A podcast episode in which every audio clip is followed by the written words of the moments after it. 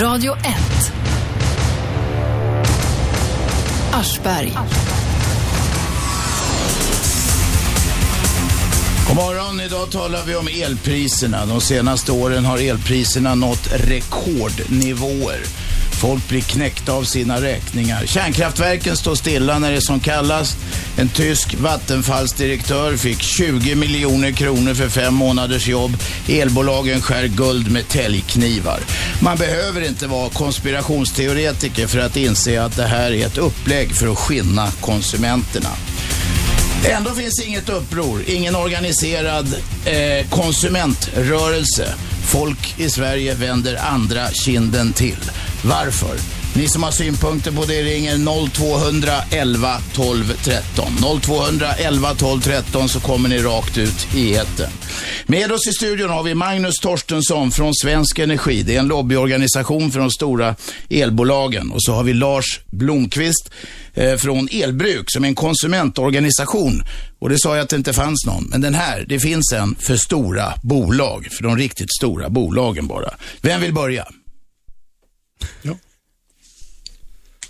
ja, jag kan väl börja från Elbruk då. Och eh, den här föreningen startade 1996, på eh, slutet på 96 och vi var för personer från några för, större elköpare som konstaterade att eh, någonting måste vi nog göra när den här marknaden kommer och vi har väl konstaterat att eh, det var, då, var det då det släpptes fritt alltså? Det var den, då det släpptes fritt eh, 1996 och ehm, eh, alla var ju nybörjare då, ingen visste någonting men vi har väl konstaterat att eh, utvecklingen har väl inte gått eh, köparnas väg utan... Du, du, det är ett krångligt sätt att säga att priserna blivit åt helvete för höga. Ja, ska man vara ärlig så var de nog inte för höga de första åren utan det, de har stigit undan för undan. Och varför har de stigit då? Det här, det här skulle ju leda till konkurrens, det skulle ju bli bättre. Ja, marknaden har utvecklats på det sättet att eh, leverantörssidan har fått initiativet att eh, ta upp och diskutera frågor och eh, både myndigheter och konsumenter, eh, större som mindre, har hamnat i försvarsställning hela tiden. Så att eh, initiativet har nog legat mera på, på leverantörssidans organisationer och företag, antingen det är producenter eller nätföretag. Då går vi till eh, Svensk Energi. Varför blir det bara dyrare hela tiden? Det beror väldigt mycket på politiska eh, beslut. När elmarknaden avreglerades 96 så var energiskatten för konsumenter 9 öre kilowattimmen. Nu är den 23,8 öre. Ja, och det, och det är moms på skatten och det är politikernas fel. Men om vi håller oss till det som bara är elkostnad så har den också gått upp utav helvete. Eh, det varierar ju beroende på tillgång och efterfrågan. De två senaste vintrarna har vi haft väldigt torrt i magasinen i Norden. Sen tillkommer det att kolpriserna har fyrdubblats sen avregleringen. Oljepriserna har nästan tredubblats. Så det finns en underliggande eh, faktorer som har påverkat kostnader. Och kärnkraftverken står stilla. De passar man på att serva när det är som kallast. Därför att då vill man sälja vattenkraft istället. Ja, men det är inte man vill hela tiden tjäna så mycket som möjligt. Den här marknads, marknadslagarna funkar inte på det här området. Därför att här tjänar man mer pengar på att hålla igen. Nej, det stämmer inte. Du förlorar varje dag som kärnkraftverken står stilla. Man planerar att ställa av kärnkraftverken på sommaren när efterfrågan är som lägst. Och sen vill man köra när det är som dyrast. Då tjänar du mest pengar. Lars skakar på huvudet. Ja, riktigt så är det nog inte. 2004, 2005 så lät vi göra en liten undersökning med hjälp av en konsult och de konstaterade väl att eh, kärnkraftverken gick inte bra och eh, siffrorna visade väl att vid problem så kanske de stod stilla lite onödigt länge än vad de hade behövt göra. Och den lite längre stilleståndet och det kärnkraftsbortfallet kompenserades eh, kanske med dyrare import av kolkraft som hjälpte att eh, lyfta priset lite grann. Ja, men Vattenfall äger kärnkraftverk, va? Mm. De äger vattenkraft mm. och de äger kolkraftverk. Mm.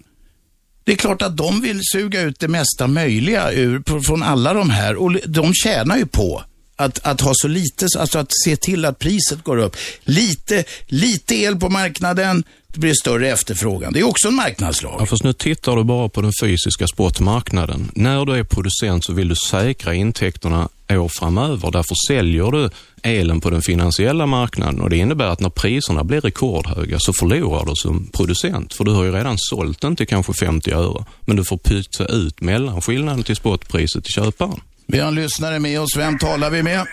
Tom Wallin. Tom Wallin, skruva ner radion eller vad det är så det inte ekar. Ja, det ska jag. Och så kommer ditt ärende. Ja, jag vet inte riktigt vem det var jag pratade med nu här, men, eller vem det var som pratade, men just det här som man nämnde med att man vill sälja ut eh, så mycket ström som möjligt för att göra sig av med den produktion man har. Det stämmer ju inte riktigt i och med att, ja, strömmen och energin som vi har är ju, den är ju samhällsbärande och det, det kommer ju alltid finnas konsumtion av det hela tiden. Jag, ärligt talat, jag kanske är dum i huvudet, men jag hängde inte med. Uh, nej, men vi, han tog ju som exempel precis personen som jag avbröt här med mitt samtal när jag ringde in att uh, man säljer ut, man, säljer, man vill säkra sina framtida intäkter uh, och därför så säljer man ut ström framöver. Alltså man, ja, med ett, med ett, med ett förbehållet pris. och problemet med det är ju det att då förutsätter man ju att det någon gång i framtiden kommer finnas en brist på energi eller att det kommer finnas ett överskott på den det är, ingen, det, är ingen av gubbarna här som, det är ingen av gubbarna här som hänger med, eller är det det? Nej, inte. Nej, inte riktigt. Prova en gång till Tom, säg det på ett annat sätt. Uh, ja, jag kanske ska fundera lite grann istället. Ja, det är ju alltid, det är alltid en möjlighet att göra så istället. Jag ska, formulera, jag ska omformulera mig, så ringa tillbaka. Ring tillbaka då. Ni andra som vill ringa ringer 0200 11 12 13. Frågan är varför det inte har bildats någon sån här uppror, konsumenternas eluppror, både mot elbolagen och mot Anders Borg och hans skatter, där det till och med är moms på skatten. Det är ju Ja, Vadå, det är det ju. Ja, men det finns moms på alla skatter. Tobaksskatt, alkoholskatt, så det är ingenting unikt för er. Nej, och det ena förlåter det det andra då? Nej, men det är en konsekvens. Ja, ja. Ja, men moms på skatten, vad fan ska det sluta? Det kanske blir moms på momsen sen. Okej, okay. kommer elpriserna fortsätta rusa så här som de har gjort de senaste åren? Om det blir brist i magasinen i framtiden och elanvändningen ökar, då finns det en risk för att priserna ökar. Men ja. det, det underliggande är ändå framförallt klimatpolitiken just nu. Strängare klimatmål gör att det blir dyrare helt enkelt. Vem är med oss i telefon? Ja, det är Ismail. Hur är det med dig? Det är alldeles utmärkt Ismail. Vad vill du säga? Ja, jag kom till Sverige i slutet av 70-talet och början av 80-talet. Ja. Och då vi hade en fungerande el som kostade nästan ingenting. Vi hade fungerande allting trots att vintrarna var mycket stränga. Eh, jag ser, jag har aldrig sett i var, nästan var som helst i världen att man gör så stora prisändringar som gäller verkligen nedre delen av samhället och ingen gör och säger någonting.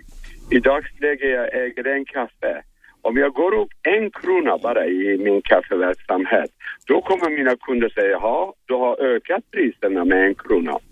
Men när de stora bolagen kommer och helt enkelt tummar på människornas möjligheter till, den, eh, till lite glädje, ingen ser det, det förvånar mig. Hur länge ska vi vara tysta och de, de helt enkelt mjölkar oss och förnedra oss med det här och ingen säger någonting.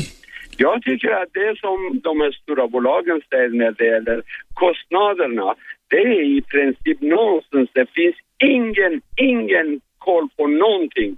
Och den nya regeringen absolut gör ingenting. Och kapitalismen visar sina tänder till samhället som vi bor i. Ismail, vad tror du att det blir bättre i en planekonomi?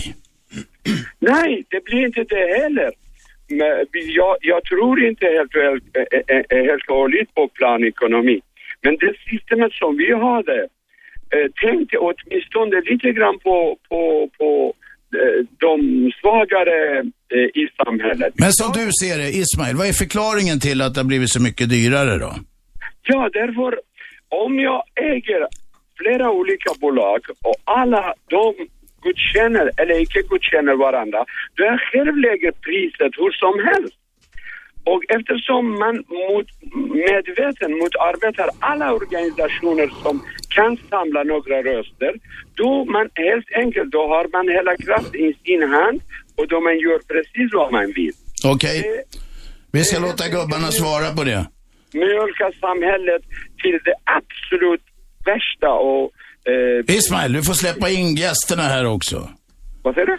Jag säger att nu får gubbarna svara på det du säger. Tack så mycket. Du är fantastisk du. är Äntligen en vänlig människa. Tack Jaha, eh, Magnus. Där fick du så du teg. Jajamän, visst fick jag det. Elmarknaden före 96 såg ju helt annorlunda ut. Då hade vi lokala monopol där egentligen det kommunala elverket satte ett elpris som gällde över hela året. Du hade alltså ingen möjlighet att, att flytta. Samtidigt fanns ett krav på reservkapacitet hos de här bolagen och eftersom det inte fanns någon konkurrens så fick, kunde bolagen ta ut de här extra kostnaderna på kunden. Kunden kunde inte göra någonting.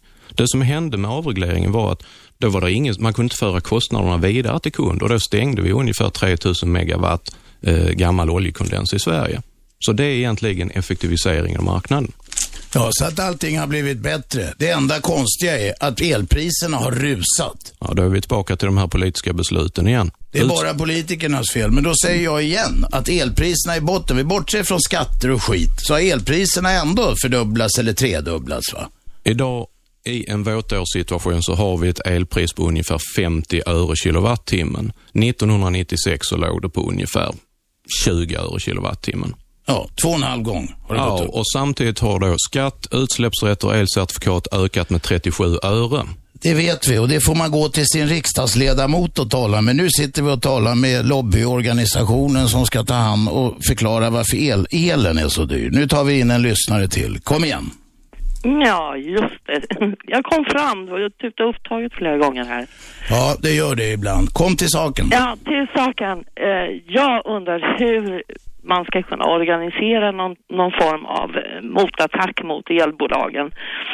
Vi har till exempel stängt av elen helt och hållet och jag har inte ens bott hemma i mitt hem hela vintern. Vadå, har du flyttat ut i skogen eller? Nej, jag har, har varit inackorderat i ett litet uthyrningsrum.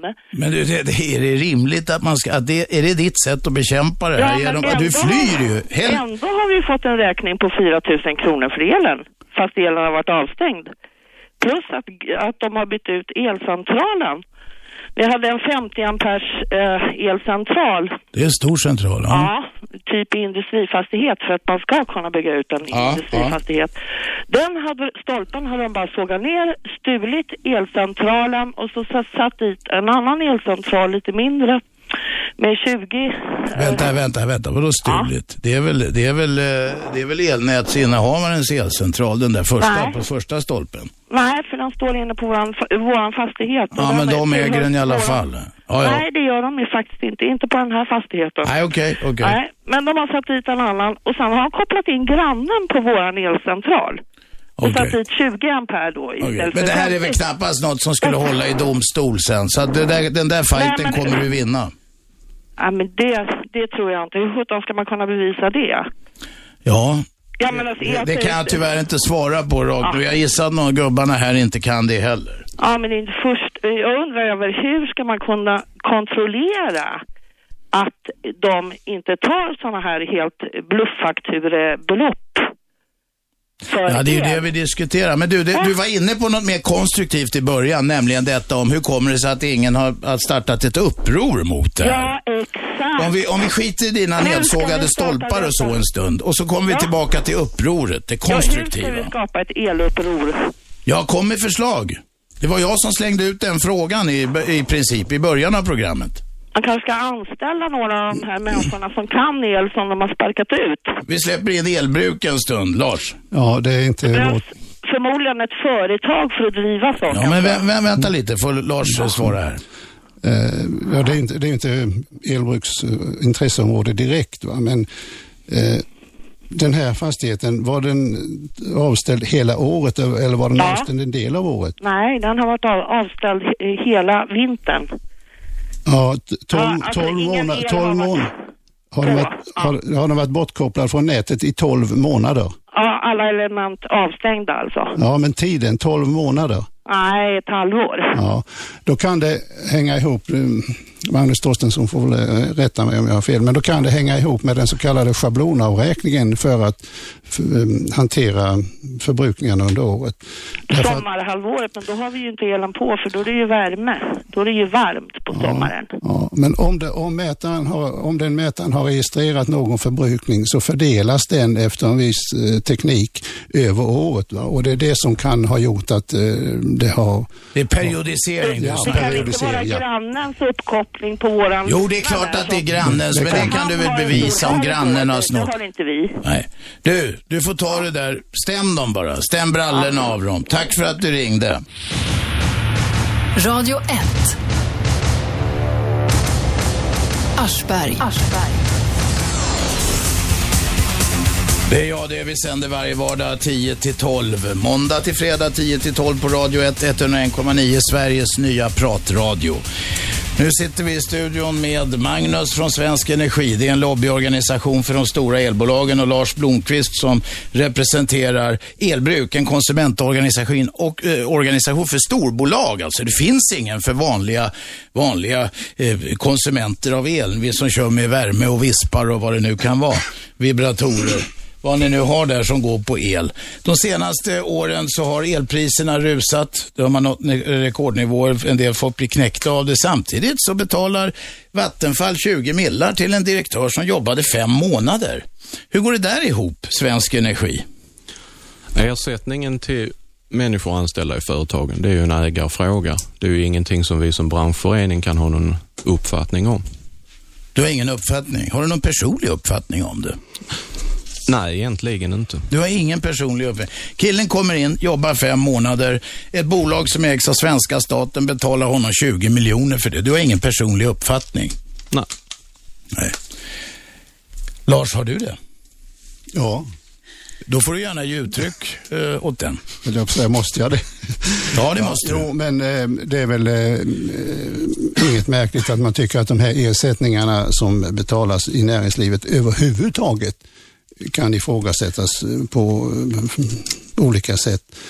Ehm, eh, många gånger så undrar man ju vad de får ersättning för eller om det bara är slentrian i, på de nivåerna. Men eh, ibland vill man ju kanske att de skulle betalas ut med något, några års eftersläpning så att man får se om deras beslut som mm. de egentligen ska ha betalt för verkligen har den verkan som I det där fallet borde det betalas tillbaka. Vi har en lyssnare med oss som har ringt 0211 12 13. Vem talar vi med? Ja, Kjell Fisk där. Kjell? Ja. Kom igen Kjell.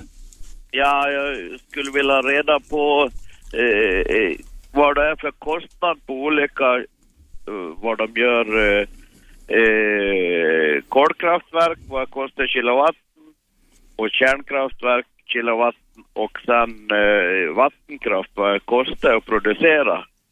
Ja, vi avvaktar där så ska vi ta några svar. Vad kostar det per kilowattimme, mina herrar? tror att kolkraft ligger på ungefär 53 euro per kilowattimme i dagsläget. 53? Euro per megawattimme, förlåt. Ja, jag tänkte väl, annars var det... Hade du friluftsdag när det var matte i skolan? ja. Femt, vad blir det? 53 öre? Ja, eller 50 öre? Ungefär 50 öre. Hänger 50 på växelkursen, okay. hänger på kolkursen. Eller 50 kolpriset. öre. Sen hade vi då vattenkraft. Ja, det är lite svårt beroende på om det är en stor eller en liten anläggning. Skjut från höften. Ja, vad ska man säga? 10-15 öre? 10 till 15 öre. Då har vi kärnkraft. Det är ännu svårare. Men eh, ska man säga i trakterna av 25-30 öre. Och om vi tar då den kontroversiella vindkraften. Ja du, det där är lite svårare. Titta, utan bidrag? Utan, utan bidrag, bidrag, utan bara, ja, kostnaderna är lika stora ändå, men du hamnar nog i trakterna av 60-70 öre för landbaserad kärnkraft, äh, vindkraft och havsbaserad är ännu dyrare. Ja. Kjelle, hörde du? Ja, ja jag hörde. Hur går vi vidare, Kjelle? Ja, det var det som var roligt att veta, för vattenkraften är så mycket billigare och eh, vi har ju rätt så mycket vattenkraft i Sverige. Ja. Och ändå eh, går all, alla pris ut vad kolkraftverken kostar att producera. Just det, de tar betalt från där det är dyrast.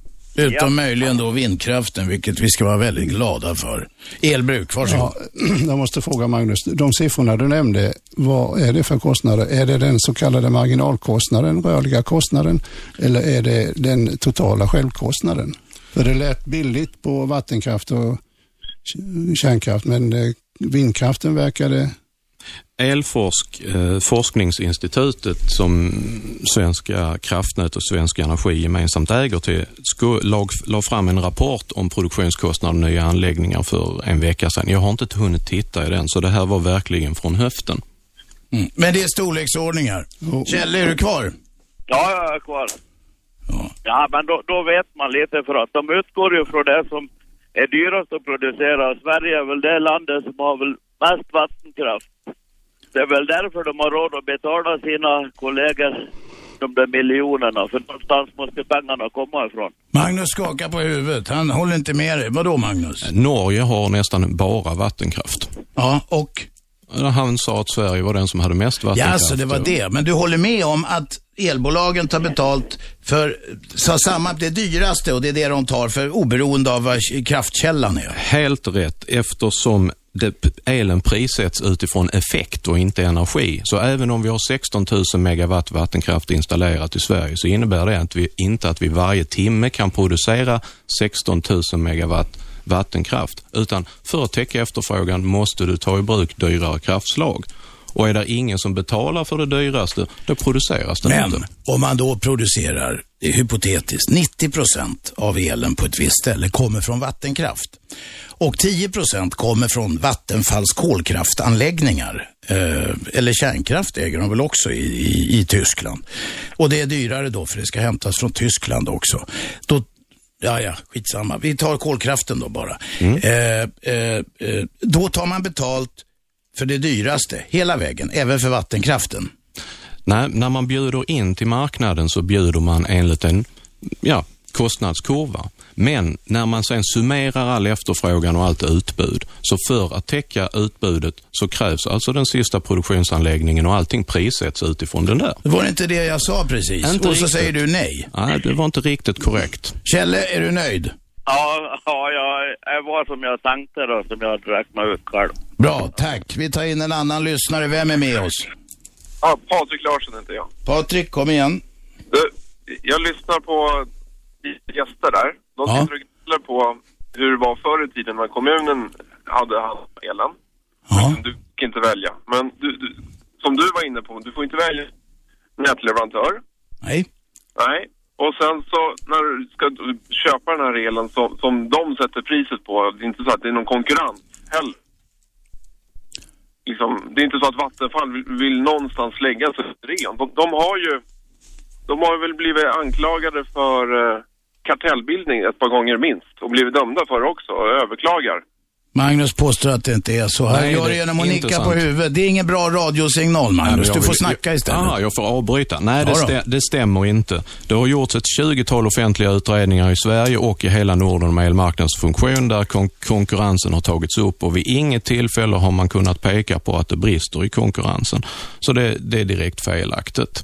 För har aldrig blivit, de stora bolagen har alltså aldrig blivit dömda för kartellbildning? Nej, det har de inte. Och ska vi titta på den nordiska marknaden där elpriset sätts, så de tre stora bolagen som man talar om i Sverige, de täcker ungefär 40 procent av produktionskapaciteten, så de har ingen dominerande ställning i Norden.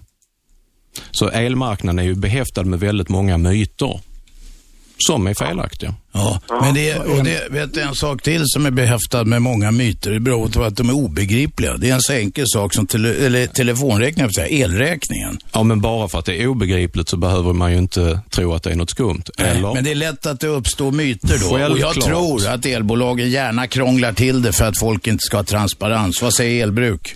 Ja, det är väl en av de frågor som diskuteras det här med marginalkostnadsprissättning och... Eh, eh förlåt, det, det, en så, vänta då. Ja. Marginalkostnadspriset, förklara det så jag begriper. Ja, Magnus, det var det som Magnus förklarade alldeles nyss, det vill säga... Ja, då begrep jag uppenbarligen inte.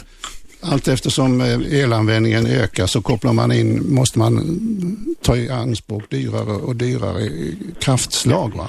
Man, om man börjar med billig vattenkraft och sen går vidare och slutar med dyr kolkraft så eh, är det eh, enligt den här ekonomiska teorin om att marginalkostnaden ger den billigaste sluteffekten. Va?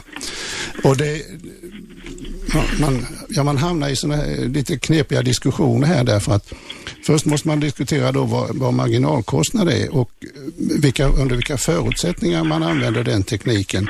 En av förutsättningarna, grundstenarna, är bland annat att eh, konsumenterna, köparna, ska ha full valfrihet.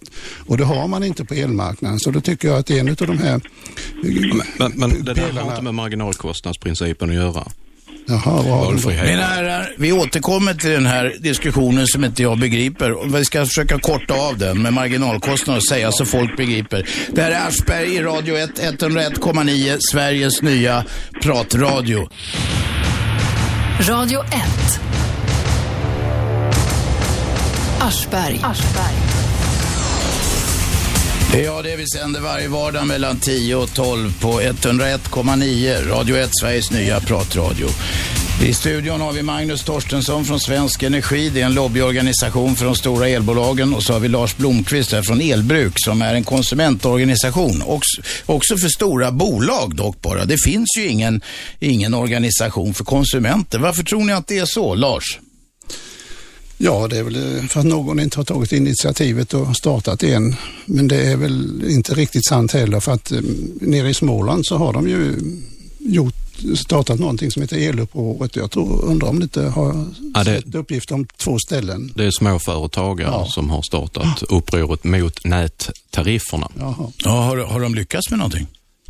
Inte mig medvetet, men det kan ju ta, ha med saken att göra att nättarifferna, beslutet är inte fattas inte förrän i oktober, så de stämmer lite i bäcken. Okej, okay, de är på där. Om, mm. om, eh, alltså, jobbar framåt så att säga. Ni som vill ringa och diskutera elpriserna, de svinhöga elpriserna, ni ringer 0200 11 12 13. 0200 11 12 13 så trycker jag på knappen och släpper ut det rakt ut i etern. Eh, vi sa det tidigare, kommer elpriserna bara stiga och stiga och stiga?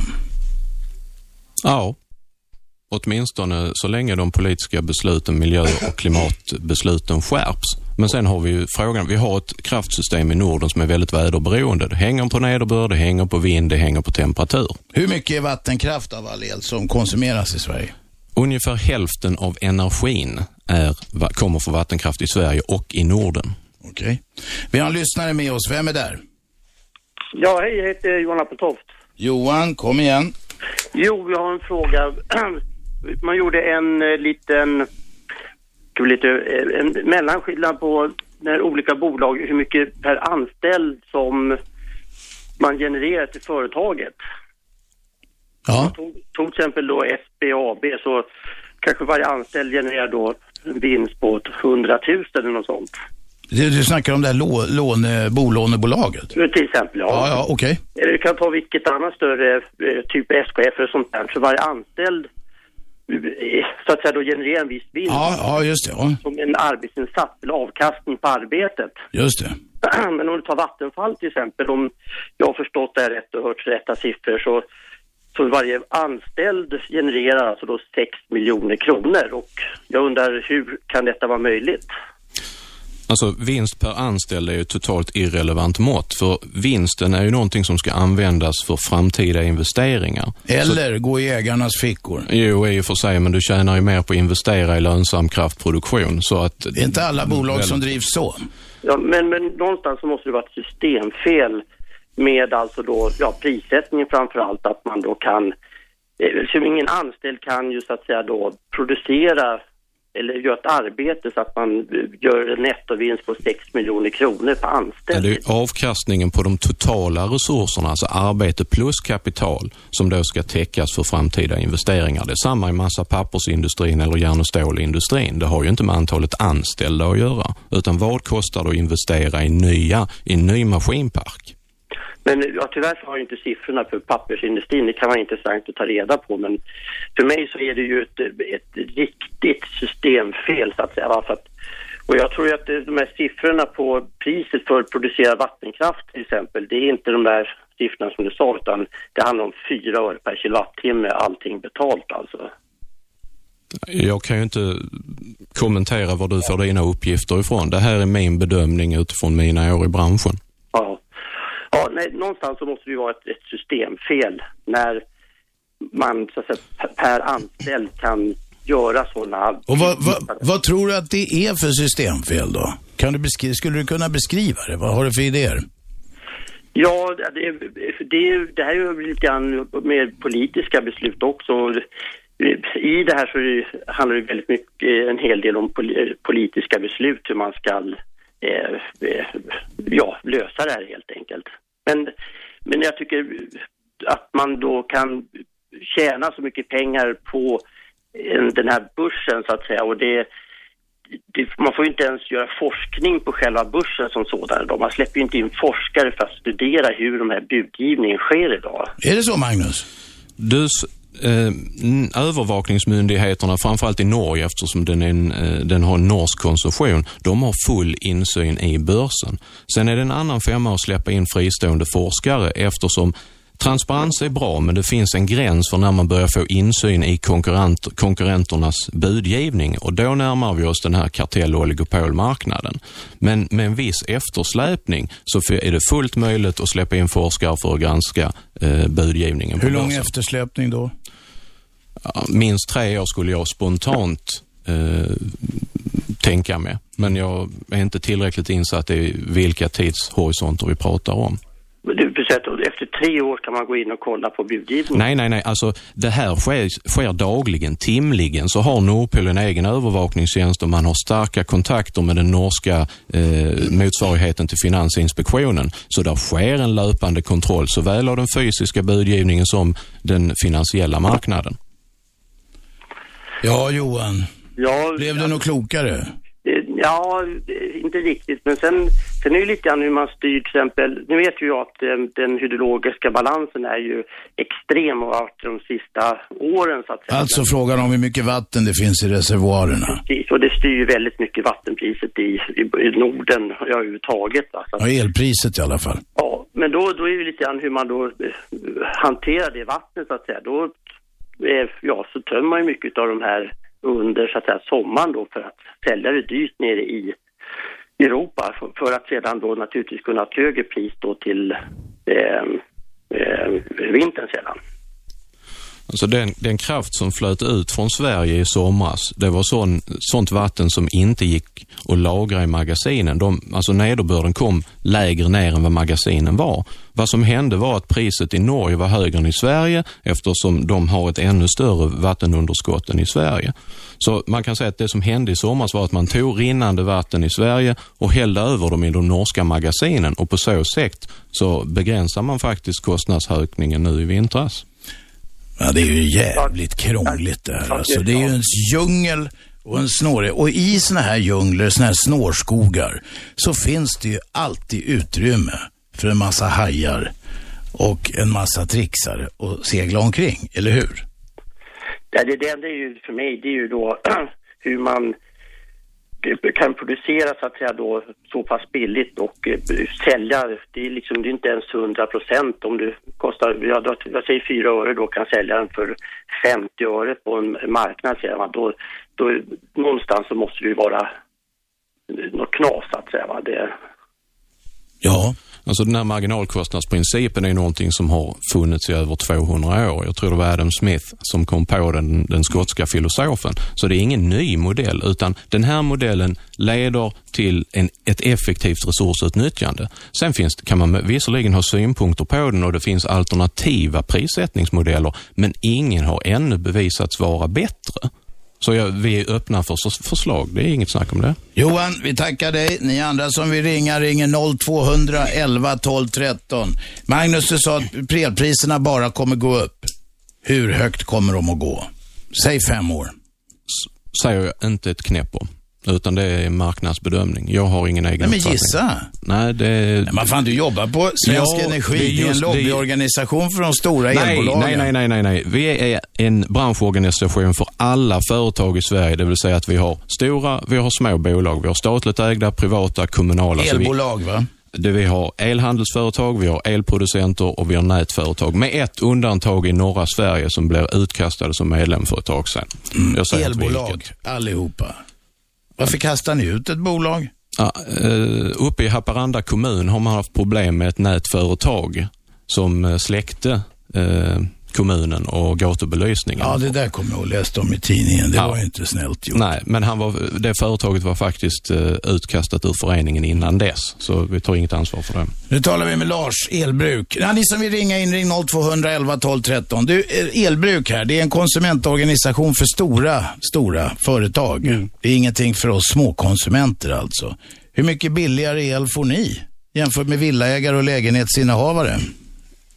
Ja, det vet jag uppriktigt sagt inte. Men ehm, eh, om en genomsnittslägenhet förbrukar 3, 4, 5 tusen kilowattimmar och företagen kanske 100 000, småföretag 100 000 så eh, eh, förbrukar de här våra medlemmar miljontals kilowattimmar och det är klart om du tänker på ett sånt bol, sån organisation som Trafikverket så är det alltså frågan om terawattimmar som de använder och eh, ett eh, landsting använder väl också en hel del el så att eh, de har ju andra möjligheter precis som alla stora köpare har möjligheter att diskutera. Ni får rabatter alltså? Ja, hur de gör det vet jag inte men jag föreställer mig och jag vet Vänta, att vänta, de, de, Lars, Lars. Elbruk är en konsumentorganisation för alla de här. Har du ingen aning om om de lyckas pressa, dina medlemmar lyckas pressa priserna? Uppriktigt sagt, nej, men jag vet att de upphandlar på olika sätt och hur mycket och i så fall de pressar priserna. Det Jag vill är- låta Magnus gissa på det. Ja, det, det varierar ju beroende på storlek, för det finns ju massor av Ja. pappersbruk och trafikverken som då använder miljarder kilowattimmar Ja. per år, ner till de som kanske bara använder mm. få miljoner. Men ju större du är, desto större andel av kostnaderna och då agerar du aktivt på börsen, det vill säga att du prissäkrar dig på den finansiella marknaden och betalar i princip kanske mindre än spotpriset, medan andra bara får ett erbjudande från, alltså man handlar som en konsument. Om vi ska ta det här så att jag begriper. Jag säger, låt oss säga hypotetiskt, jag betalar en spänn för elen. Hur mycket betalar då en kund som, som säger jag, Trafikverket till exempel? Är det slutpriset så att skatten och momsen finns med? Det spelar ingen roll. Jo, kan- det, om- det, ja. gör, det gör det för att skatten för ett, en konsument är okej, 28, okej, 28 men vi säger, ja, de, de ska väl rimligen betala skatt och moms också? Nej, indu, skatten på tillverkningsindustri och, den, eh, och växthusnäringen är ett halvt, en halv euro per kilowatt, ett halvt Ja, det- kilowatten. Medan Ah. konsumentskatten är 28,3 öre Så- och i norra Sverige är den 19,4 öre. Industrin betalar alltså i princip ingen skatt på elen. Nej. Industrin betalar ingen skatt. Vad, vilka är det som slipper betala skatt då? Nu räknar vi upp dem. Det är tillverkningsindustrin och växthusnäringen. Tillverkningsindustrin och växthusnäringen slipper betala skatt på elen. Så att de får halva priset då ungefär. Runda slängar. Ja, nej, de har, det, var- nej det, får, det går inte att svara på den frågan enkelt, tyvärr. Hur mycket är skatt på det jag betalar då?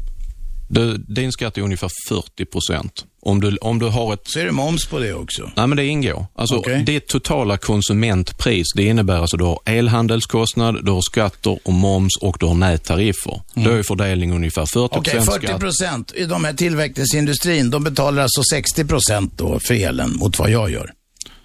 Eh, nättarifferna har, är betydligt högre för ett större företag, så att du får ju väga in det också. Okej, de betalar i alla fall betydligt mindre. Ni som har synpunkter på detta, elfrågor, ni ringer 0211 12 13. Nu har Uffe fått in ett, något mejl här eller Ja, något. det är bara någon som kommenterar. Det är Jörgen som säger det. Eh, Han gör en prisjämförelse med bensin. 1986 kostade bensinen 7 liter.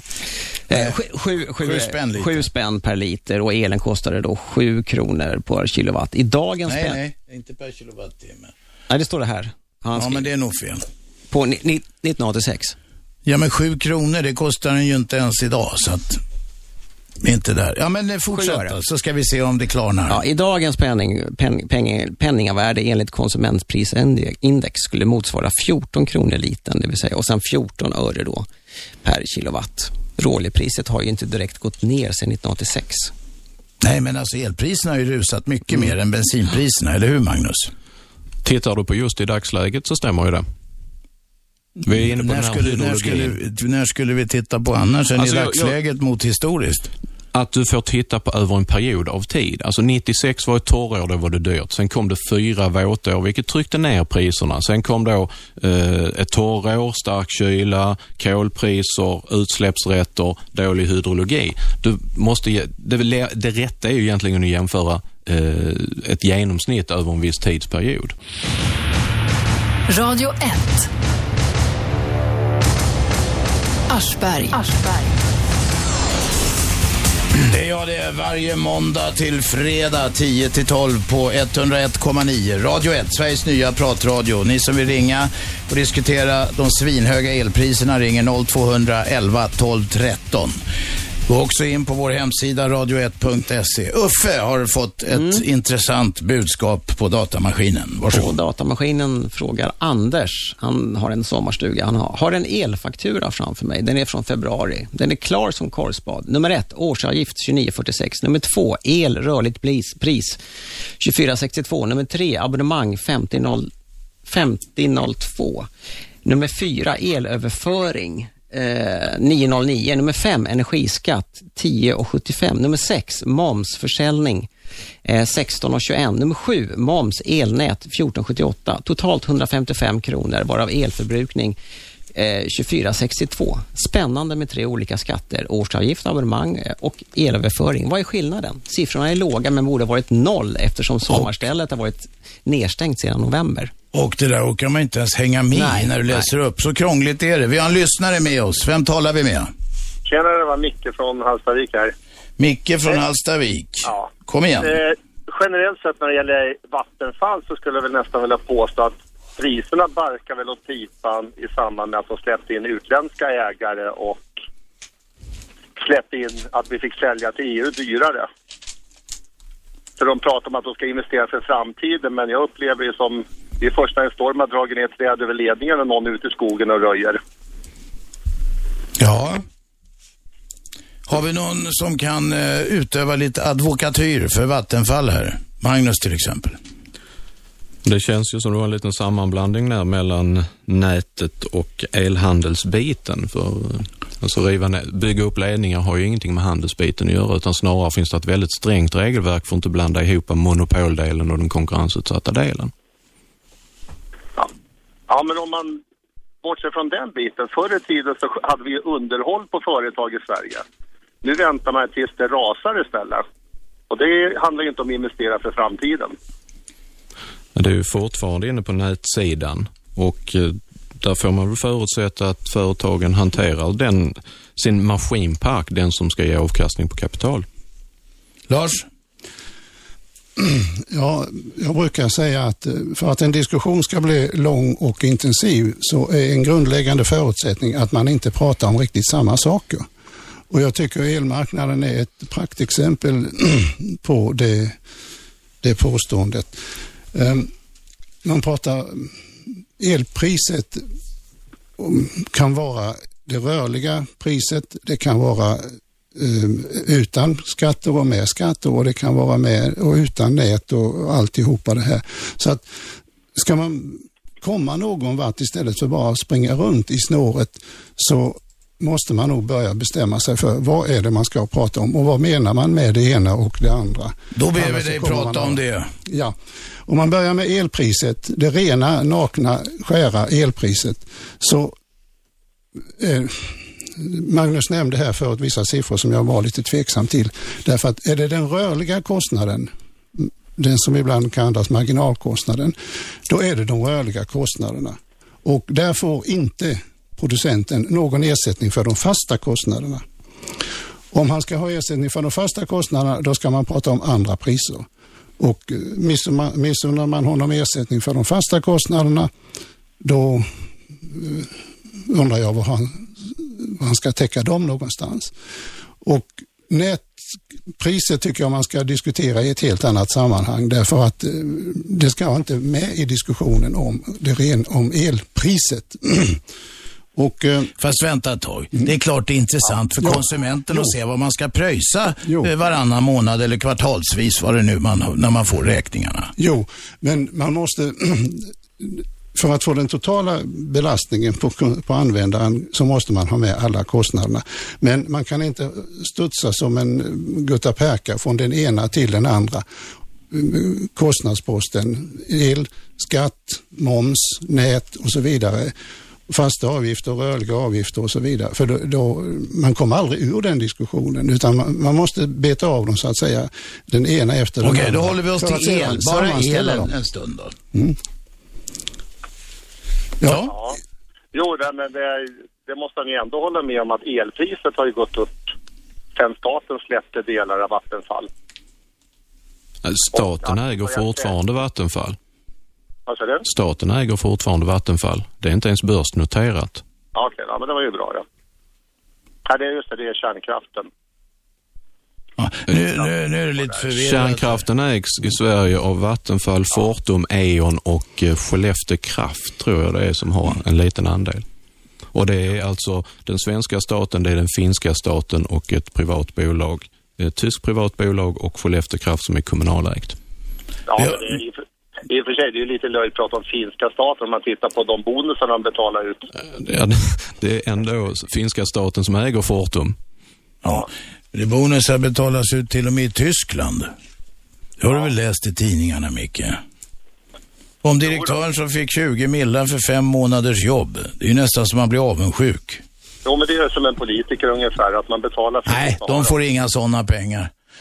Det finns inga politiker, som får, inte i Sverige i alla fall, som får några sådana pengar. Visa mig den så ska vi göra radioprogram om det, det lovar jag dig. Nej, vi får plocka bort någon nolla då.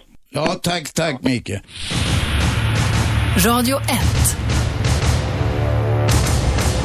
Aschberg.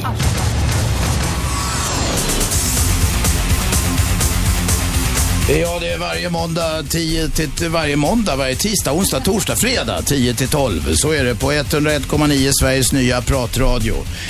Eh, vi diskuterar de svinhöga elpriserna och vi har eh, inget mindre än en lyssnare med oss. Hallå! Hejsan, hejsan! Det är Pierre, va? Jajamensan, är bra det. Kom igen, Pierre. Nej, jag tycker det är, det, det är lite brutalt att man tar ut sådana jävla hög, höga elpriser som man gör. Och dessutom då så har vi riksdagen, alltså villa, vi som har bor i villor, vi är med i, vi är villaägare och vi är med i en jävla massa förbund och skit. Men de gör inte ett jävla dugg för oss egentligen. Vad gör du själv då? Ja, jag bor i villa, ja. Ja, men det är väl inget, det är väl inget sätt nej, att... Men, nej, men alltså, jag, när man försöker att spara el, när man försöker att dra ner, man sänker värme, man gör allting. Ja. Ja, då ser de att konsumtionen har minskat, då höjer de elpriset. Vad fan ska man göra? Ja, vad ska man göra? Det, är liksom, det spelar ingen roll hur man sparar vi el, då höjer de för att de förbrukar för lite el. Förbrukar vi mycket el, då får vi betala ett jävla pris. Magnus? På lång sikt, om du minskar din konsumtion så kommer du till att märka det på din elräkning. Det, det kan jag garantera. Man kan minska den till noll, då blir räkningen jävligt behaglig. Det är jättebilligt, fast det, det har ju en kostnad i form av bekvämlighet kanske. Ja. Det, så det är kanske ingenting att rekommendera. Men kan, kan, du förklara enkelt då, hur lön, om man minskar konsumtionen, hur gör det att ja, räkningen minskar därför att ni kan ta mindre betalt? Men kommer priserna att sjunka? Ja, om... Per kilowattimme? Ja, om den totala efterfrågan minskar så kommer priserna till att sjunka också.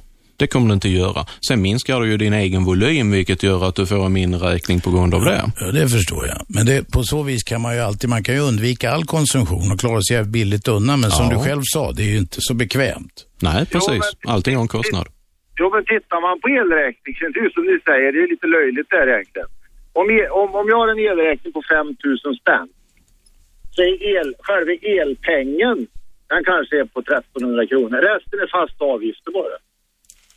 Det är 1300 kronor. Jag kan inte, jag kan inte ha noll el. Jag måste ha noll el. Om jag skulle halvera den så är ändå elpriset jävligt högt. Det är det som jag tycker är så fruktansvärt konstigt. Att det där jävla elnätet och allting, alla avgifter, det måste för fan snart vara betalt väl? Så mycket hushåll i Sverige som det finns som betalar de här jävla avgifterna. Ja, det är ett och annat som dignar under denna, ett och annat hushåll som dignar och, under bördan. Sen, sen är det inte nog med det va. Sen när man slår upp Expressen och Aftonbladet och tittar då vilka bra löner de har som sitter både på Vattenfall och Eon och överallt va. Då blir man ju lite gransen tycker jag alltså. Vad säger herrarna om detta, de höga lönerna? Det är klart att folk retar sig på det, eller hur? Herrarna i studion, varsågoda. Jaha. Det är som jag sa innan, det är ju ägaren som bestämmer hur man vill av, avlöna sina anställda.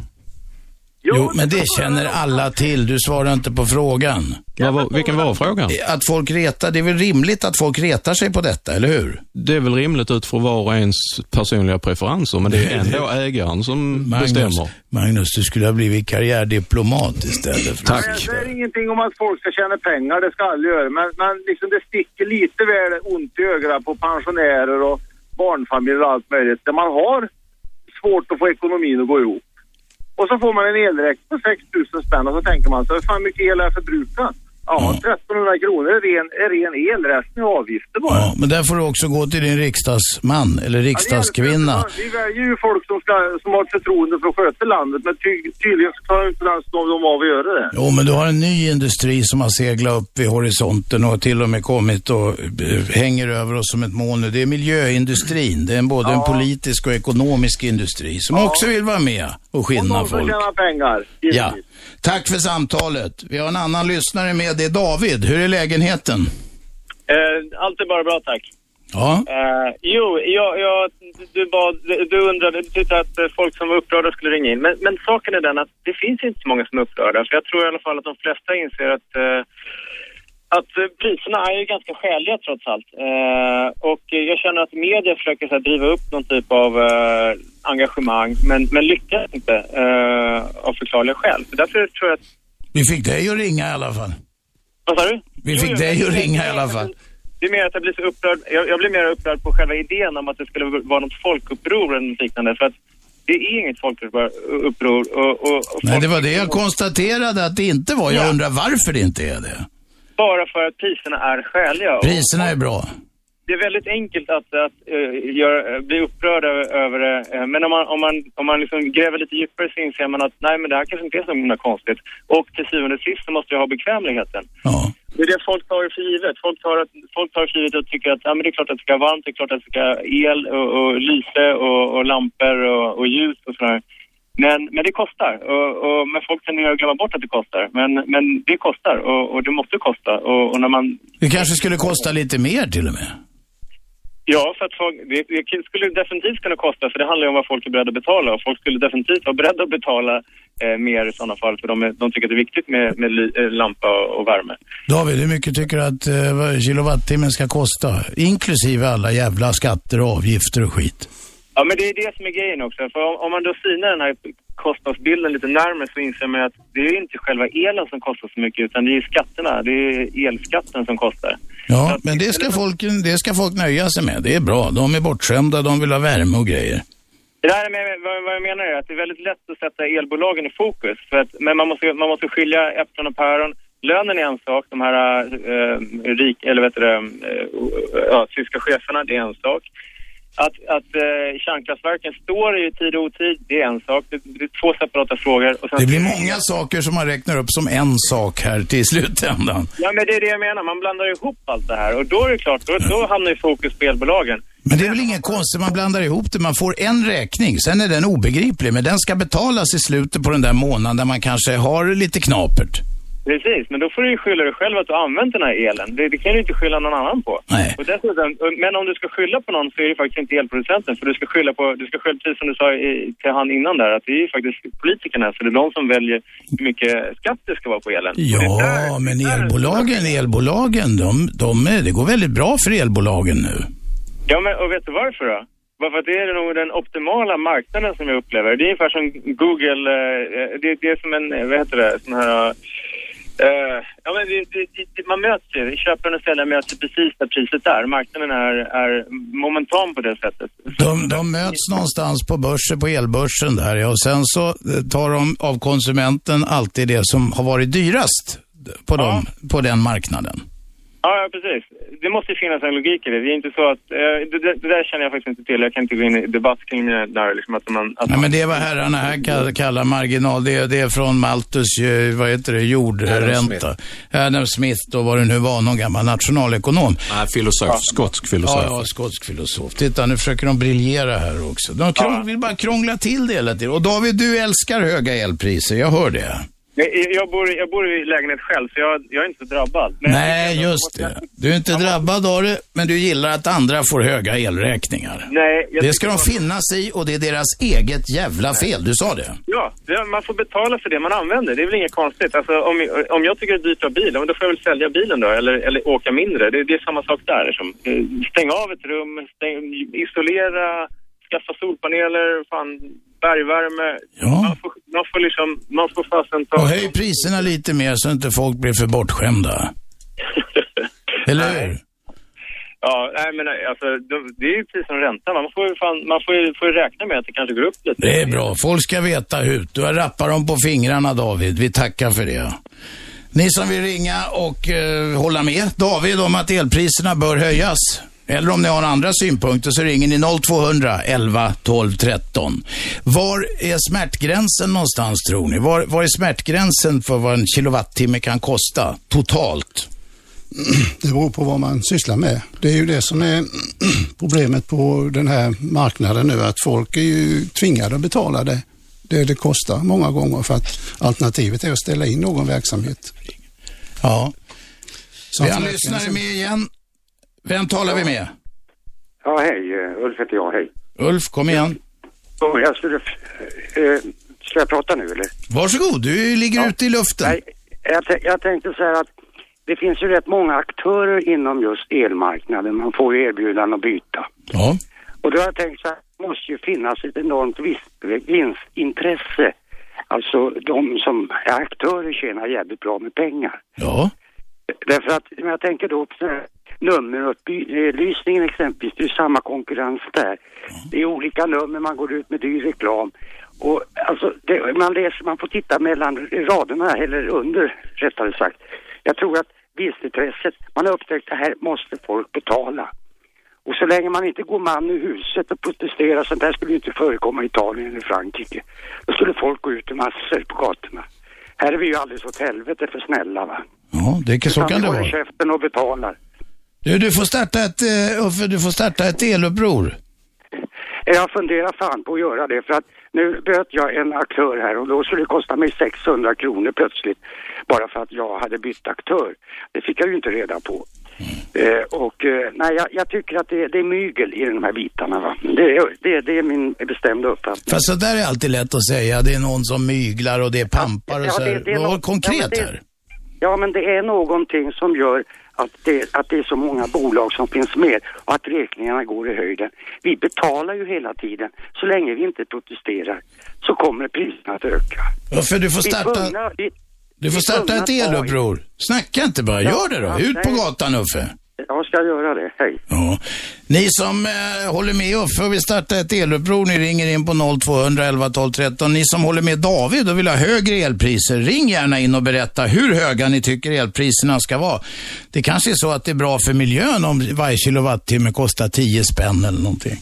Det var ju egentligen meningen. Sen folkomröstningen om kärnkraften 1980 så var det ju meningen att man skulle prisa ut elen. Minska elanvändning genom ökade energiskatter. Ja, eh, den här kärnkraftsomröstningen var ju lustig. Det fanns tre alternativ. Alla ville avveckla kärnkraften. Vem har vi med oss? Ja, hejsan. Johan. Johan, kom igen.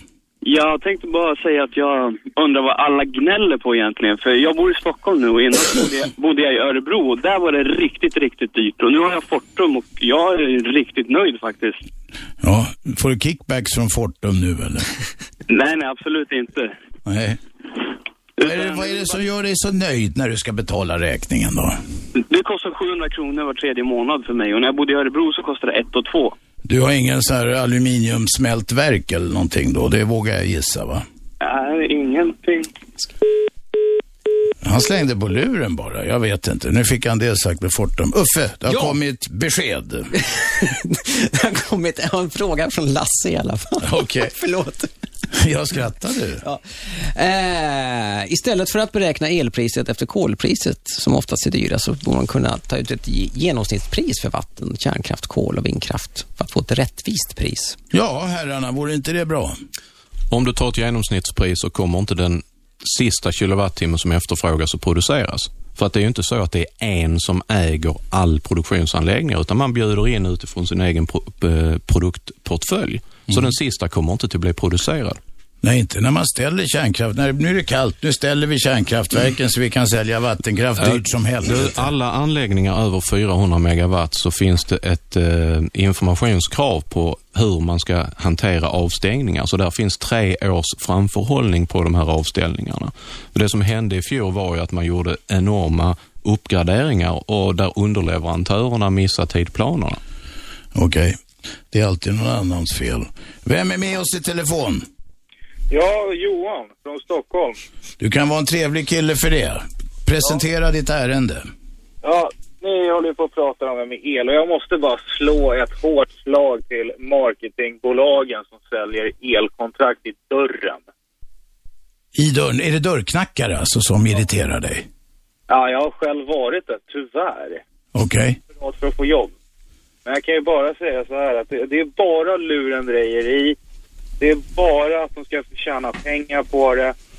Och det är alltså, nej, jag har sett det där. Men det här var intressant. Berätta lite, en dag på jobbet när du jobbade med det. Vad hände? En dag på jobbet. Kom, kom till jobbet klockan 11. Eh, I ett, två stack vi ut beroende på vart vi skulle vara. Eh, fick en karta och där sa det området ska du köra av. Sålde du inte någonting eller fick någon påskrift, då var det kört så fick du inget betalt. Men vad var det du skulle sälja? Billigare el till folk? Du sa i alla fall att den var billigare. Billigare el till folk och det, det var bara värdelöst. För man märkte själv hur man lurade kunderna. Jaha. Efter det där så funderade jag på att gå över till alla och säga förlåt, jag har sålt skit till dig. Radio 1 Aschberg. Aschberg. Varje måndag, tisdag, onsdag, torsdag och fredag 10 till 12. Aschberg heter jag, Radio 1, 101,9, Sveriges nya pratradio. Ring in på 0211 12 13. Vi talar om de svinhöga elpriserna och med på telefon har vi fortfarande Johan som har knackat dörr för att lura folk att byta elbolag. Berätta mer Johan.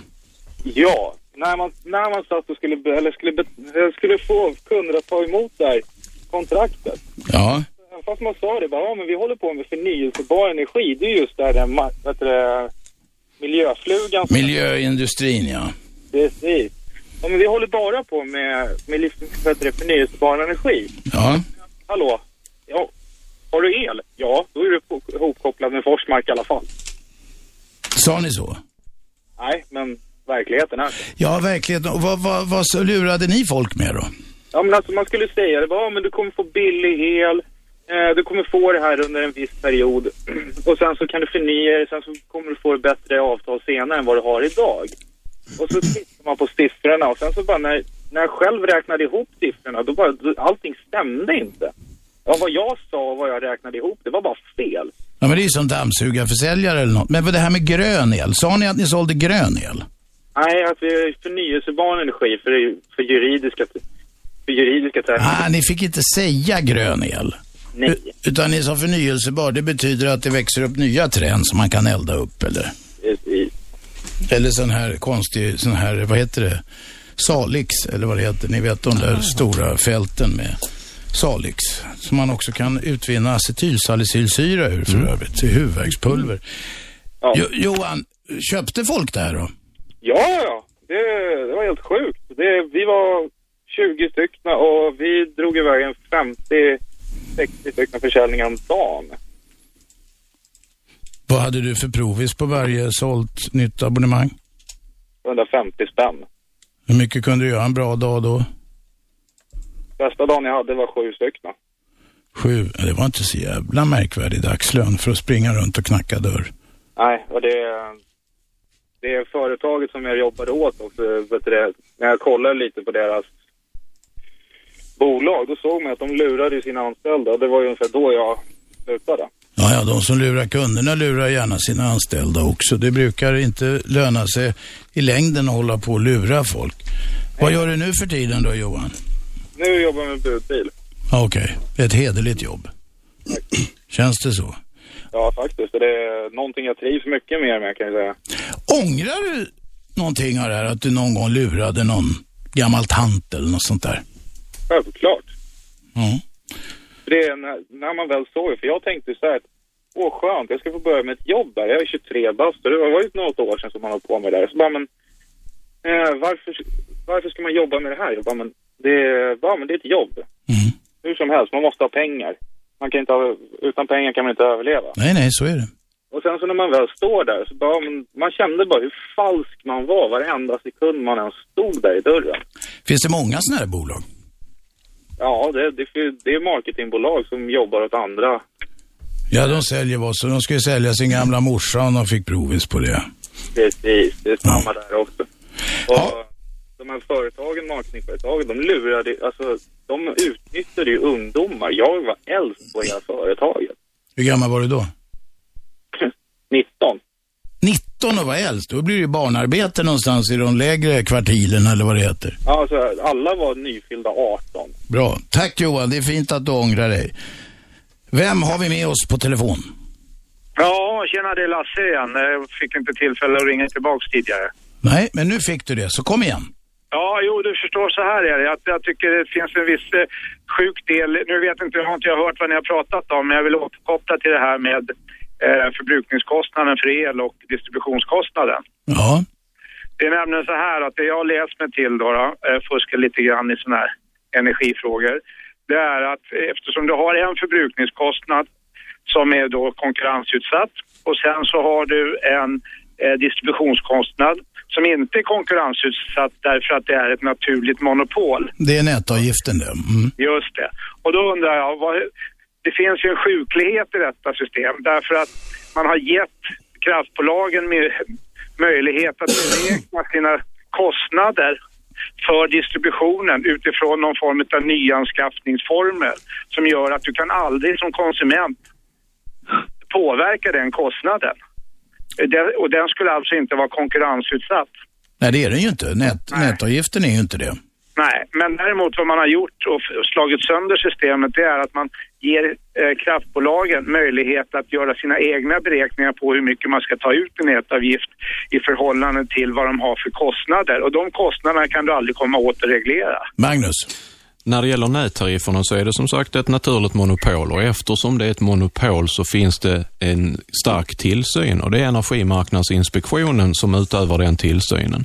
Och just nu håller vi på att byta över, eller tillsynsmetod från att eller till att tarifferna måste godkännas av myndigheten innan de börjar gälla. Och det här är första året. Och Det som händer är att nätbolagen, som då är separata bolag mot övriga verksamheter, de lämnar in en ansökan om en intäktsram som sen ska godkännas av myndigheten.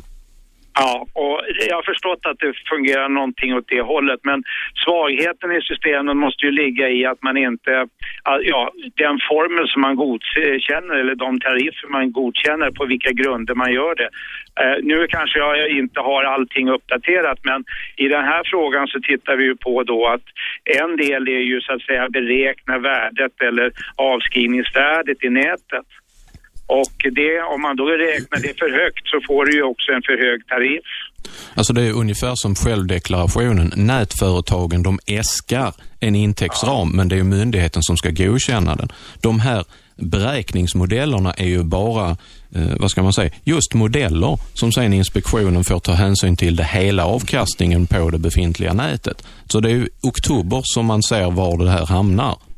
Ja, men, äh, så att egentligen vad du säger är att nu kan vi få avvakta och se om vi får en mer rättvisande, alltså i förhållande till de faktiska kostnaderna, mer rättvisande äh, prissättning på distributionen. Ja, utifrån Energimyndighet, eller Energimarknadsinspektionens bedömning av de här äskade äh, intäktsramarna. Lars, ja. från elbruk. Ja, det låter nästan gulligt när Magnus beskriver hela systemet. Så eh, rart och fint är det inte därför att det har varit mycket, mycket diskussioner om nättarifferna och man har ifrågasatt praktiskt taget alla komponenterna i de ingående kostnadsposterna. Och det är många som vi har kritiserat och klagat på. Och eh, bland annat eh, den här ingångsvärdena Näten var väl i många fall avskrivna när man började den här cirkusen med nättariffer. Och nätbolagen har lobbat väldigt mycket, både för vissa procentsatser och eh, olika faktorer i det hela.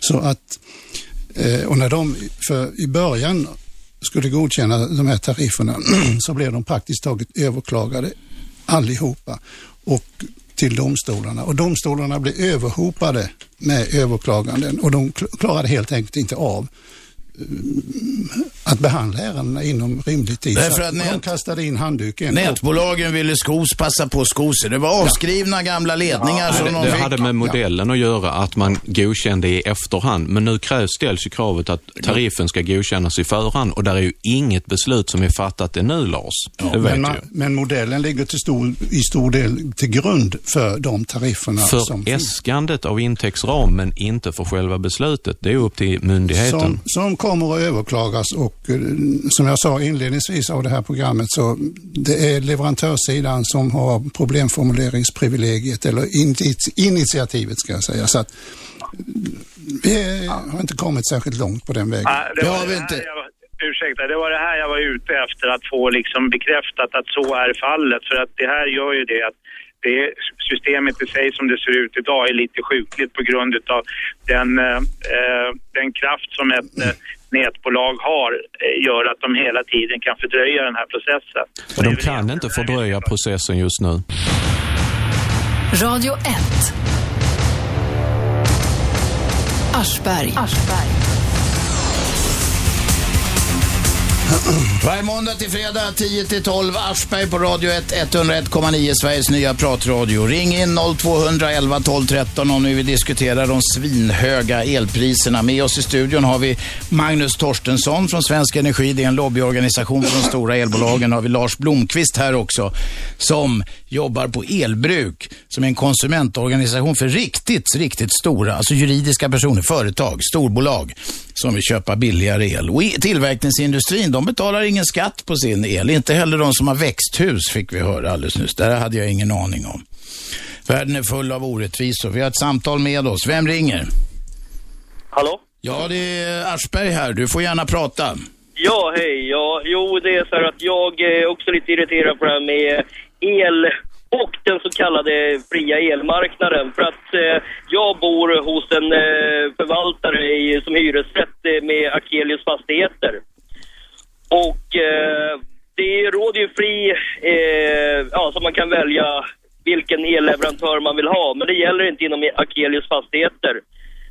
När alla eh, hade, alltså att elen ingick i hyran så eh, när de då satte att eh, det skulle bli individuell elsättning så eh, ja, eh, fick man då en eh, tvingande att man blev tvungen att tillhöra då ett visst under ett års tid eh, som Akelius fastigheter hade utsett. Men det, det, kan vi ju knappast skylla elbolagen eller, eller eh, nätbolagen eller någonting för. Det får Nej, du ju snacka med din hyresvärd om. Jo, men precis. Men problemet är ju fortfarande att vi får ju inte fortfarande efter, nu har det gått då nästan tre år och vi får fortfarande inte välja eh, men, men, fortfarande, fortfarande min vän, så får, kan, kan vi, vi kan skylla elbolagen för mycket och det gör jag gärna. Men inte just att du har problem med din hyresvärd.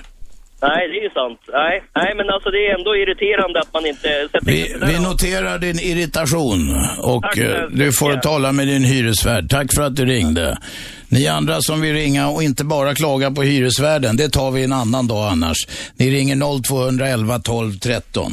Eh, en ringare som ringde tidigare, heter David, han tyckte elpriserna skulle höjas. Och det sa han mycket på jävelskap tror jag. Vem är med oss nu? Hall Hallå? Ja, tjena, det är Evert i Täby. Tjenare Evert, hur är läget? Ja, det är väl som eljest. Men eh, du, jag har en grej här. Jag har varit och jobbat i Afrika i två vändor, va? Tre ja. månader per gång.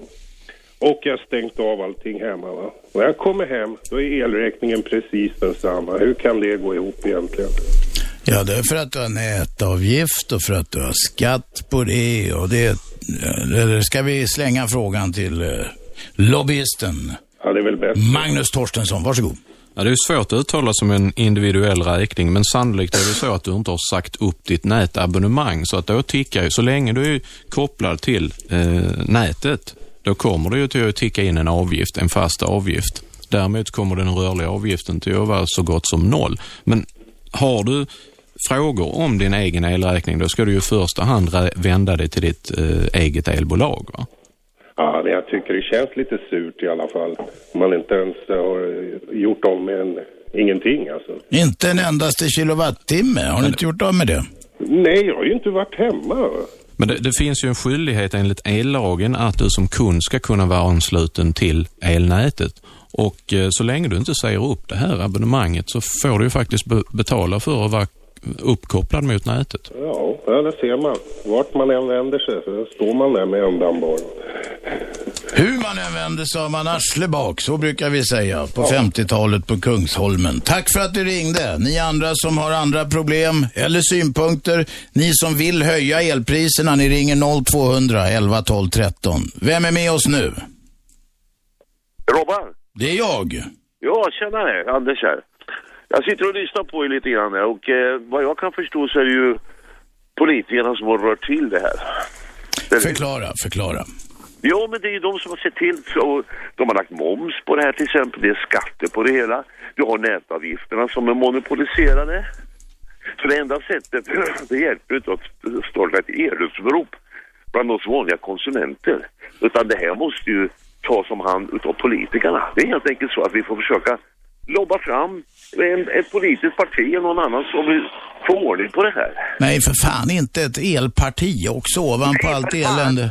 Nej, det är inte ett elparti, Robban. Lägg av. Nej, nej. Någon utav de etablerade partierna, någonstans där måste kunna förstå att det här, det här kommer inte att fungera längre om det ska vara på det här viset.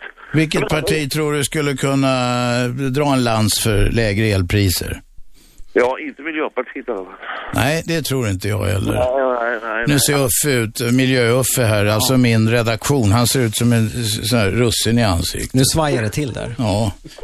Oj, jävlar vad han bleknar. Sätt dig på stolen så att du inte svimmar nu Uffe. Nej, men det, det, det är faktiskt så. Det hjälper inte. Alltså, vi, vi, vi konsumenter kan stå här och gapa med plakat och jag, jag, skicka in skrivelser och bilda partier eller, eller, och motståndsgrupper mot det här. Det kommer inte hjälpa ett skit. Du rekommenderar folk att gå till sin riksdagsledamot. Tack för att du ringde. Vem är med oss nu? Ja, tjena, det är Matti i Stockholm. Kom igen. Jo, du, jag tror helt enkelt att det är så här att politikerna, de har bestämt sig för att det ska vara samma pris oavsett vilken sorts energi du använder. Jag menar om du använder villaolja, va? eller dieselolja, eller bensin, så är elen nu uppe på samma energipris. Alltså om du pröjsar 1,20, 1,30 för en kilowattimme, va? inklusive alla kostnader. Ja. Eh, då blir det alltså 12-13 kronor för 10 kilowattimmar va? Och det är vad energin är, en liter bensin eller en liter villaolja eller en liter dieselolja och den kostar 12-13 kronor. Magnus från Svensk Energi, han eh, nickar här. Ingen som helst aning, men det är en intressant jämförelse. Att alla energiformer kostar. En åkarbrasa är billig dock. Ja visst. Men eh, det- den, den håller inte när man ska köra elvispen. Nej men det är ju energiprisen vi snackar om va och eh, ska du värma en villa idag så kan du köra med olja eller du kan köra med direktverkande el. Du får ungefär samma kostnad va. Det blir jävligt dyrt helt enkelt. Du har sätter in en värmepump då sparar du in två tredjedelar av el, eh, elkostnaden och får bara en tredjedel. Ja, Om du har en kapitalkostnad på värme och Ja, checka den där värmepumpen Så det också. blir nästan samma i slutändan ändå. Det blir lite billigare sett på lång sikt. Och tittar man på elbil, eh, då är det jävligt intressant att börja jämföra det. För att då kommer man ner till, det går åt ungefär två kilowattimmar att köra en mil. Och då kostar det en 7-8 kronor om du ska köra den med diesel eller bensin va. Och ska du köra på el så är det nere kanske på ett par kronor. Men sen har du avskrivning på batteriet som kommer att bli de där mellanskillnaden. Så i slutändan, eh, om man ska förnya litiumbatteriet var tredje år, då blir det samma kostnad i alla fall. Så det finns inga utvägar menar Nej. Till slutändan så är det eh, samma kostnader nästan på allting, hur du än bär åt. Och det visar sig också, det är därför det inte händer någonting i samhället. Det blir inga elbilar, för det kommer inte att bli något billigare. Men vänta, allting är ju inte en enda jävla jämmerdal här. Måste ju kunna hitta på någonting. Du ser själv. Och det är samma med produktionskostnad för el idag. Det ligger nästan i alla typer av kraftverk som nytillverkas för runt en 50-60 öre va? Du, om någon, om någon eh, kom på att göra den billigare skulle de nog debitera samma pris i alla fall. Precis, det är så det är. Jag räknar lite på de här finska kärnkraftverken. Och de har byggt de här nu och de kommer kosta lika mycket att producera kilowattimmar om man räknar på 30 års avskrivning.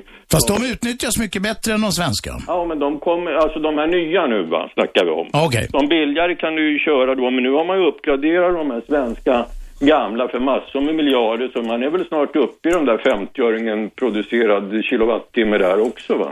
Ja. För att det, det hamnar där och det är vad vindkraften kostar nästan och ska man bygga ny eh, vattenkraft, vilket man inte kan göra i Sverige, för får man ju inte bygga ut något nytt, då kommer man att hamna i närheten av det också till slut. Upp med humöret. någonstans någonstans så, så finns det nog kanske Ja, en strimma alltså- ljus. Inte för vi har hittat den idag, men... Nej, men alltså folk är inte lurade och elpriset är i grunden inte för högt, utan det har blivit så här därför energipriserna har stigit, därför tillverkningskostnader och förbrukning och höga löner till alla som ska göra de här kraftverken och alla direktörer naturligtvis. Så att vi får vänja oss vid den här spiralen. Ännu en ringare som säger att elpriserna är skäliga. Ja, men gå över till att titta på andra energi. Tycker du bensinen är billig eller? Den Ja. Är det Nej, jag. det är klart jag inte gör. Nej, du ser. Alltså det är samma sak. Bensinmackarna i Sverige tjänar betydligt mer. Varje mack tjänar nu ungefär dubbelt så mycket som de gjorde för några år sedan. Ja, men de tjänar... Då var det en 50-öring eller något i den stilen per, per liter. Nu är det över en spänn per liter. Ja, ja, visst. Men, eh, och så säljer de korv och godis också och tjänar ändå mer på det. Ja, ja, förr sa de att de var tvungna att sälja en massa livsmedel med transfetter och skit för att kunna överleva. Men, eh, men eh, nu tjänar de stålar på soppan igen. Jag vill säga det att det här är inte så jävla enkelt som många tycker. Men en grej som staten skulle kunna göra nu, Borg och kompani, om de tycker att eh, eh, vanliga Svensson får för höga elräkningar. Ta bort momsen på en gång på, för vanlig privatperson. Tror du, tror du att de kommer att göra det? Då, förlor, då går det 20 procent direkt. Nej, det kommer de inte göra för det går ju direkt in i statskassan de där 20 procenten. Det är massa miljarder. Va? Så att eh, de kommer nog låta det här och blåsa över alla eluppror och all skit och så vänjer sig folk och betalar snällt. Som alla andra elregler. Men du tycker att det är skäliga priser? Då ska väl folk betala snällt? Ja, men jag menar gå in och köpa andra grejer idag, det är ungefär som att sätta igång ett matuppror. Va? Där kan du ju visserligen välja om du vill äta falukorv eller oxfilé, va? Men eh, det kan du inte på el. Det finns bara en sorts el egentligen. Va? Du kan inte välja. Det finns ingen billig el som de här som han snackar nu som har de lurar folk va? och säger att ja, vi säljer till produktionskostnad eller till inköpspris. Jag till och med hört. Är det någon slags välgörenhetsorganisation de står och bedriver? Nej, men det var ju skojare. Det sa ju han också. Ja visst, det, men det, är- det är ju så va. Det, det, det här med superlåga priser, det, då blir det dålig kvalitet också så att eh, eh, men det kan man inte ha på el, det finns bara en kvalitet va. Du har en spänning och en ström som kommer i urtaget va, det kan du liksom inte moderera någonting med. Nej. Vi ser med spänning fram emot flera samtal. Tack Ja, för att du bra. ringde. 0211 12 13. Smärtgränsen har jag försökt vara inne på nu. Jag, eller var vi inne på tidigare. Vi tar det igen. Var går smärtgränsen? Hur mycket, hur mycket kommer folk behöva, hur, höga ska priserna bli innan folk radikalt minskar eh, sin elkonsumtion? Vad, vad tror du Magnus? Ja, det är omöjligt att säga. Du, måste ju, du gör ju en individuell värdering. Bara ett exempel. Ja, men det, en, en te- man måste en kunna TV. gissa någonting. Ja, men det, det finns inte. En TV, om du har en 40-tums TV, LCD, den kostar ungefär 50 öre per dygn att köra.